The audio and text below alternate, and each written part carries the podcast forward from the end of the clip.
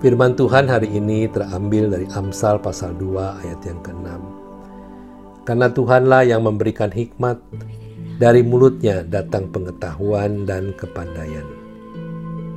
Kemudian dari 2 Timotius 1 ayat 7. Sebab Allah memberikan kepada kita bukan roh ketakutan, melainkan roh yang membangkitkan kekuatan, kasih, dan ketertiban. Mari kita berdoa.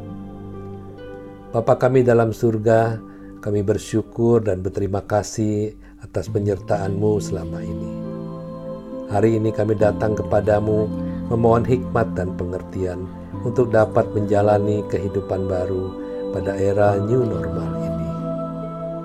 Kalau masa PSBB lalu, kami mengisolasi diri dengan berdiam di rumah saja untuk dapat memutus mata rantai penularan virus corona. Tetapi sekarang setelah PSBB dicabut, kami harus membuka pembatas fisik seperti yang terjadi selama masa PSBB lalu. Karena itu berikanlah kami kewaspadaan lebih dalam melakukan aktivitas keseharian, mengingat kami harus hidup berbaur dengan virus corona yang masih tetap ada. Berikan kami kemampuan untuk beradaptasi dengan prosedur baru yang ditetapkan walaupun akan merepotkan dan terkadang menjadi tidak nyaman.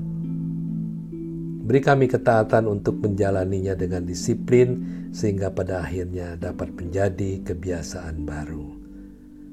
Multiplikasi virus corona menurut informasi terakhir telah menyebabkan 80% mereka yang tertular tidak mengalami gejala apa-apa walaupun tetap berpotensi untuk menularkan virus ini kepada orang lain.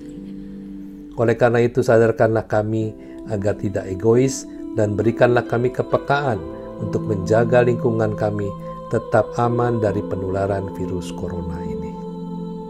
Kami mohon ya Tuhan, angkat semua ketakutan yang masih menghantui kami dan berikan kami roh yang membangkitkan kekuatan, kasih dan ketertiban sehingga damai sejahtera dari Tuhan Yesus Kristus memenuhi kami semua.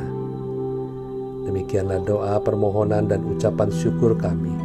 Kiranya Tuhan mengabulkannya sesuai dengan kehendak-Mu.